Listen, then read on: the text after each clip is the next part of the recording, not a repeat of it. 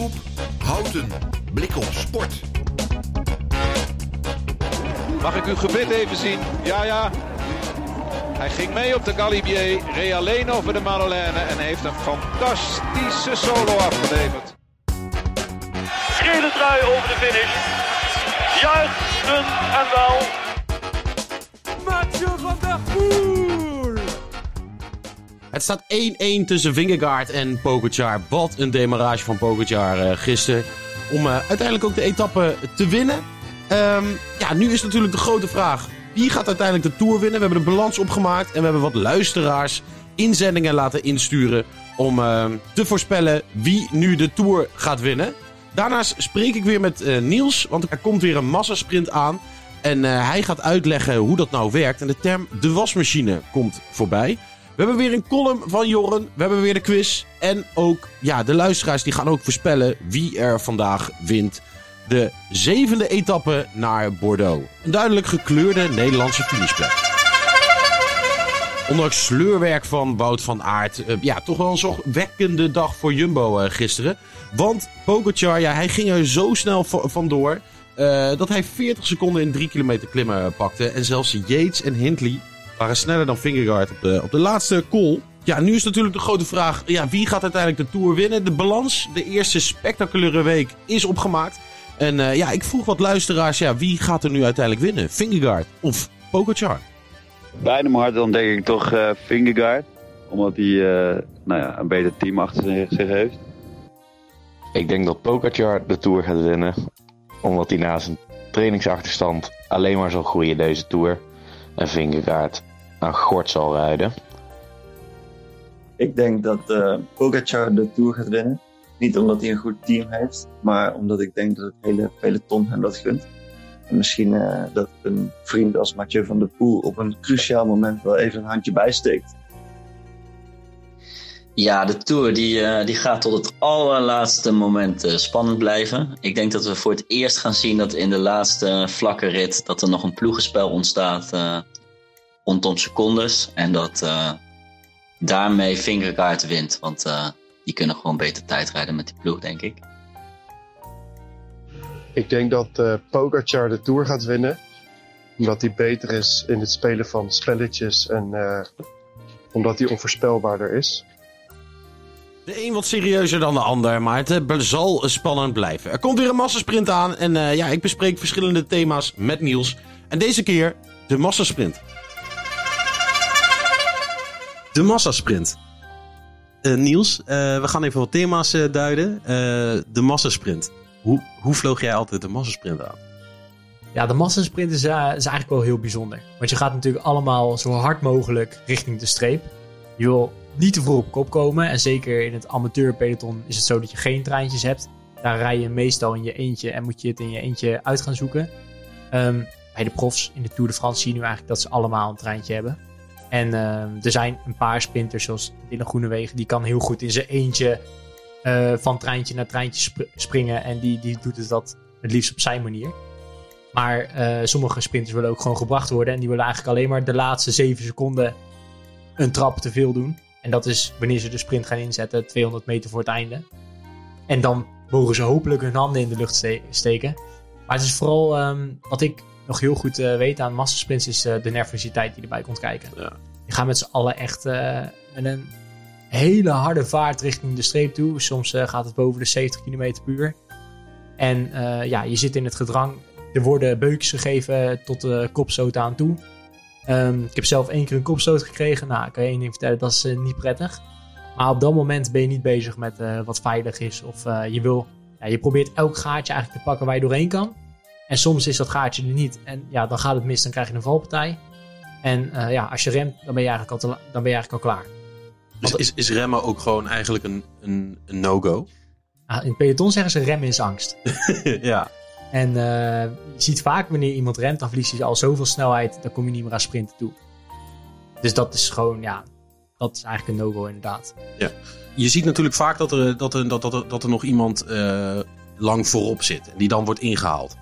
Uh, maar er zijn ook situaties dat het echt heel lang, uh, dat het treintjesvorming is. Maar wanneer, wanneer begint eigenlijk vaak de nervositeit? Hoe, hoe ontstaat dat in het peloton en wanneer merk je van oké, nu, nu worden dringen geblazen. Nu, nu, nu staat er iets te gebeuren. Ja, het ligt, ligt natuurlijk heel erg aan hoe het parcours eruit ziet. Is het parcours eh, het laatste stuk eh, brede banen, dan is er eigenlijk genoeg ruimte. Om al die treintjes naast elkaar te laten zien. Of te laten rijden. Maar op een gegeven moment, als je een, eh, een smal stuk in het parcours opduikt. Ja, dan wil je met je team vooraan zitten om uit die nervositeit te blijven. Want als je eenmaal in dat gedrang komt, dan is het weer heel moeilijk om weer naar voren te rijden. En eigenlijk is het in het peloton zo. Je hebt een soort van ja, wasmachine noemen ze het ook wel. Eh, via de binnenkant kom je eigenlijk een beetje naar voren. Als een groep vissen. En Ja. uiteindelijk ga je aan de voorkant en dan ga je via de zijkant. En dan val je eigenlijk weer soort terug naar achter. Dat is de natuurlijke gang van peloton. Maar met zo'n treintje, ja, dan heb je wat kopmannen en knechten. En die knechten die proberen jou van voren te houden. Zodat je niet in dat gedrang van die wasmachine terechtkomt. Ja. En eh, als de baan smal wordt, dan wordt het op een gegeven moment natuurlijk een soort van ja, ritsen. Omdat er minder ruimte is. En als je eenmaal ritst en je zit al ja, een beetje in het midden, dan kom je op een gegeven moment van achteren te rijden. Ja, en dan kost het weer zoveel energie om aan- van voren te komen. En dan weer je plek terug te vinden als het ware. En daar wil je blijven zitten. En daarom blijven al die eh, knechten dus vooraan rijden voor een kopman. Zodat ze op een goede plek worden afgezet om überhaupt in de positie te komen om te sprinten. Ja, want is het dan ook niet zo dat bij een hele bochtig einde dat je eigenlijk niet zoveel in een treintje hebt, dat je beter maar één iemand voor je kan hebben? Ehm, ja, ligt eraan hoe ver het ook is. Ja. Kijk, in principe, sommigen hebben treintjes met vier mannen. Ehm, als het nog drie kilometer is, dan heb je met één mannetje voor jou heb je er niet genoeg aan. Want die snelheid, het- weet je wat het gewoon is? Je hebt heel veel treintjes. Ja. En ze rijden op een gegeven moment naast elkaar. En dan krijg je dat, als er iemand ervoor wil rijden, gaat hij net weer iets harder rijden. En dan gaat de volgende weer net iets harder rijden. En dat gaat de hele tijd zo, waardoor je op een gegeven moment 65 per uur rijdt. En dan kan je niet meer harder. Nee. En als je dan al één plekje verliest, dan kom je bijna niet meer naar voren. Nee, dan ben je eigenlijk al gewoon eh, weg. Ja, dan ben je eigenlijk al weg. Ja, en eh, je, ziet, je hoort ook vaak eh, het ingesloten raken. Hoe, hoe kan je dat nou voorkomen? Ja, door goed van voren te blijven rijden. En soms kan je het niet voorkomen. Soms raak je gewoon ingesloten en dan kom je er niet meer uit. En dan is het Ja. gewoon pech. Dan ben je eigenlijk gewoon op de verkeerde positie eh, begonnen. Ja, en, maar dat is dus ook net voor een bochtje wanneer iemand onderdoor stuurt. Ja, weet je wat dat gebeurt? In de, in de sprint gebeuren heel veel eh, dingetjes waarvan je soms denkt, kan je beter niet doen. Ja. Eh, maar als iemand hem onderdoor gooit en je zit aan de buitenkant en ja, je moet in de remmen, anders ga je onderuit. ja, dan verlies je plekken en dan raak je dus soms ook opgesloten. Ja, ja duidelijk. En zijn er ook nog bepaalde erecodes tijdens een sprint? Of is het gewoon ieder voor zich, ik wil winnen en eh gaan met me aan? Ja, dat is eigenlijk heel raar hoe dat tegenwoordig gaat. Het is natuurlijk zo, je moet een rechte lijn sprinten. Nou, dat gebeurt bijna nooit. Er wordt ook bijna nooit wat van gezegd. Alleen als er iemand onderuit gaat, dan worden er meestal consequenties aan eh, gesteld. Ehm ja, Erico, je, je gaat elkaar niet van de fiets aftrekken. Maar eh, ja, weet je, tussen het sprintgeweld gaat het er wel gewoon echt heel hard aan toe. Ja. En eh, meestal is het wel zo, als de knechten uitsturen, zeg maar 500 meter voor de streep, dan laat je die wel, die, die zakken dan terug door het peloton heen als het ware. En die gaan niet meer meesprinten. Dat is wel een soort Ja. van ongeschreven regel. Dat ziet er soms ook nog wel eng uit, trouwens. Dat ze dan zo afzakken en dan moet er toch iedereen een beetje omheen. Dat is wel... Ja, klopt. Ja. Ja. dat, dat gaat soms natuurlijk heel erg hard. Maar die, eh, die sprinters die hebben zo'n reactievermogen. Dat gaat zo snel. Die, eh, die zien dat echt wel aankomen. En even voor de luisteraars thuis, hoe word je een goede sprinter? Heel veel botjes sprints doen. Nee. nee, in principe is het eh, al een beetje aanleg. Eh, je hebt eh, verschillende typen vezels aan in je spieren. Ehm, en de ene heeft hele snelle vezels en de andere meer langzaam. En degene die langzaam zijn, die hebben vooral duurvermogen. En degene die snel hebben, dat zijn echt sprinters. Ehm, dat valt wel redelijk te trainen. Maar uiteindelijk, ja, je kan niet als je een eh strijkijzer bent, zeg maar, Philipsen worden. Dat, Nee, dat gaat dat niet. gaat niet. Nee. En eh, als, als ik vraag, ehm, of als ik zeg sprinter, aan wie denk je dan meteen? Marcel Kittel. Marcel Kittel. Ja. Ja? Pure sprinter. Pure sprinter. Hoe Ja. komt dat? Ja, weet niet. Die heeft natuurlijk heel veel etappes in de Tour gewonnen. Maar dat was echt zo'n eh, zo'n sprinter waar je ook zag dat hij geblokt was, zeg maar. Ja. En ook goed gesoigneerd natuurlijk. Hè? Ah, ook Hij goed zag er ook wel goed uit. Ja, precies. Nog één ding over de, over de sprints. Want dat is, bedenk me ook ineens. Je hebt natuurlijk ook heel vaak dat de wind hier een rol in speelt. Oh ja. En dan heb je natuurlijk die knecht ook. Als er wind tegen is, dan wil je eigenlijk zo lang mogelijk achter je knecht blijven. Ja. Eh, en stel dat eh, de wind van rechts komt, eh, dan wil je eigenlijk links in het wiel zitten. En soms zie je dat dus nog wel eens verkeerd gaan. Dat er aan de verkeerde kant wordt afge... Dat, dan doet hij een elleboogje. Dat betekent eigenlijk van... jij bent nu in de beurt, ik kan niet meer, Ja. Eh, neem over. Eh, en dat hij dan aan de verkeerde kant afstuurt, waardoor je je sprint eigenlijk verkeerd afzet. Ja. Dat gebeurt dus wel eens, Ja, want dan waardoor... krijg je opeens eigenlijk die windvlaag vol in je gezicht, eh, bij wijze van spreken. Ja, en Ja. dan moet je er dus eerst helemaal omheen. Ja, en eer dat je dat hebt gedaan, is misschien dan een andere sprinter al weg. Ja, oké, du- du- du- duidelijk. De laatste tip voor de, voor de sprinter van de toekomst. Ehm dankjewel weer. We gaan door met de column van Jorn. Na regen komt zonneschijn. Na de meeslepende duels van Vingegaard en Pogacar in de Pyreneeën gaat er veel aandacht uit naar de strijd om de gele trui. Maar de echte ziel van het wielrennen vind je niet terug op de voorpagina van de krant. Wat het wielrennen zo bijzonder maakt, is de diepe strijd die zich afspeelt in de marge van het peloton. De persoonlijke opofferingen, jongensdromen en overwonnen tegenslagen. Vandaag dan ook aandacht voor nummer 39 van de uitslagenlijst van de etappe van gisteren, Egan Bernal. Het voormalige wonderkind die zijn jongensdroom achterna ging en vanuit het Colombiaanse mountainbikecircuit de overstap maakte naar Italië. Hij kwam in 2016 terecht bij pro-continentale Androni onder de vleugels van de excentrieke ploegbaas Gianno Savio. Na twee jaar Italiaanse dienst, met onder andere winst in de Tour de l'Avenir, had het grote Sky genoeg gezien en haalde Bernal naar Engeland. Deze overstap legde hem geen windeieren. Bij zijn eerste Tour de France leidde hij Geraint Thomas naar het hoogste schavot waardoor Tom Dumoulin genoegen moest nemen met de tweede plek. Nog altijd een kras op de Nederlandse wielerziel. Het jaar erop reed Bernal zelf naar de eindwinst, waarmee hij de jongste naoorlogse Tour de France winnaar werd. Een prachtige toekomst lag voor hem.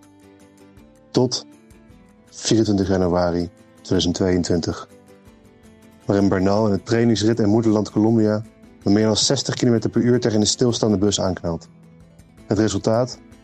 Een gebroken knieschijf, gebroken rugwervels, gebroken dijbeen, gebroken ribben en een klaplong. Na een revalidatie van slechts een half jaar maakte hij op 16 augustus 2022 zijn rentree in de Ronde van Denemarken. Dit jaar vervolgde hij zijn wederopstanding en werd hij zelfs opgenomen in de selectie van de Tour de France. Met rug nummer 21 dartelt hij weer vrolijk over de Franse wegen. Hij werd vooraf zelfs voorzichtig getipt als verrassing voor het klassement. En dat leek de eerste dagen ook prima in orde. Maar gisteren zakte hij er volledig doorheen en kwam hij na zijn knechtenwerk compleet geparkeerd te staan. Zal hij ooit nog de gele trui dragen? Eerlijk gezegd schreef ik hem bij het zien van deze beelden direct af als ronderenner en concludeerde dat hij zijn oude niveau niet meer gaat halen. Daar schaamde ik me seconden later al voor. Want laten we eerlijk wezen, het is al een enorme overwinning als hij na drie weken fietsend Parijs haalt.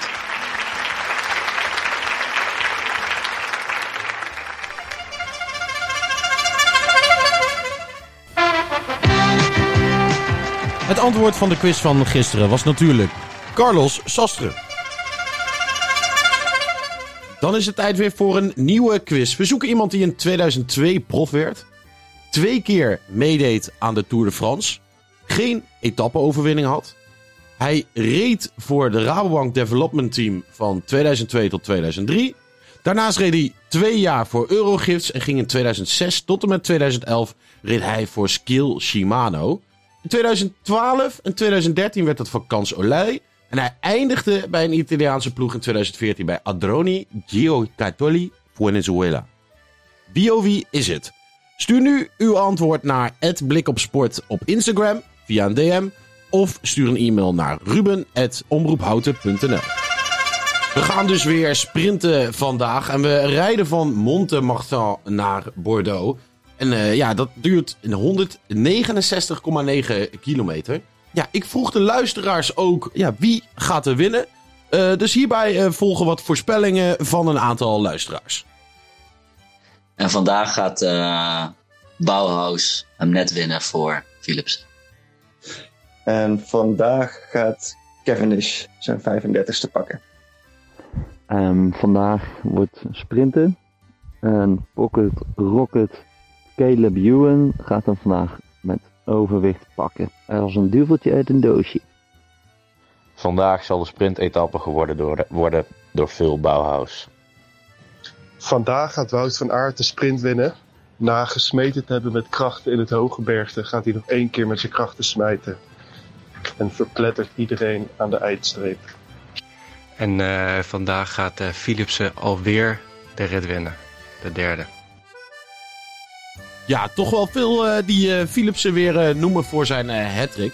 Maar we moeten niet vergeten dat nogal wat Nederlanders ja, wonnen in Bordeaux. Hans Dekkers in 1952, Jan Nolte in 1953, Henk Vaanhoff in 1954, Wout Wachmans in 1955, Jodero in 65, German Karstens in 76, Kees Priem in 1980, Bert Oosterbos in 1983, Jan Raas in 84, Rob Harmeling in 1992, Jean-Paul van Poppel in 1998 en Servus Knaven in 2002. Nou, dat, dat is toch een mooi lijstje. Dus misschien kunnen eh, Jacobsen, die het wel moeilijk heeft, of Groenewegen zich hier wel eh, tussen mengen.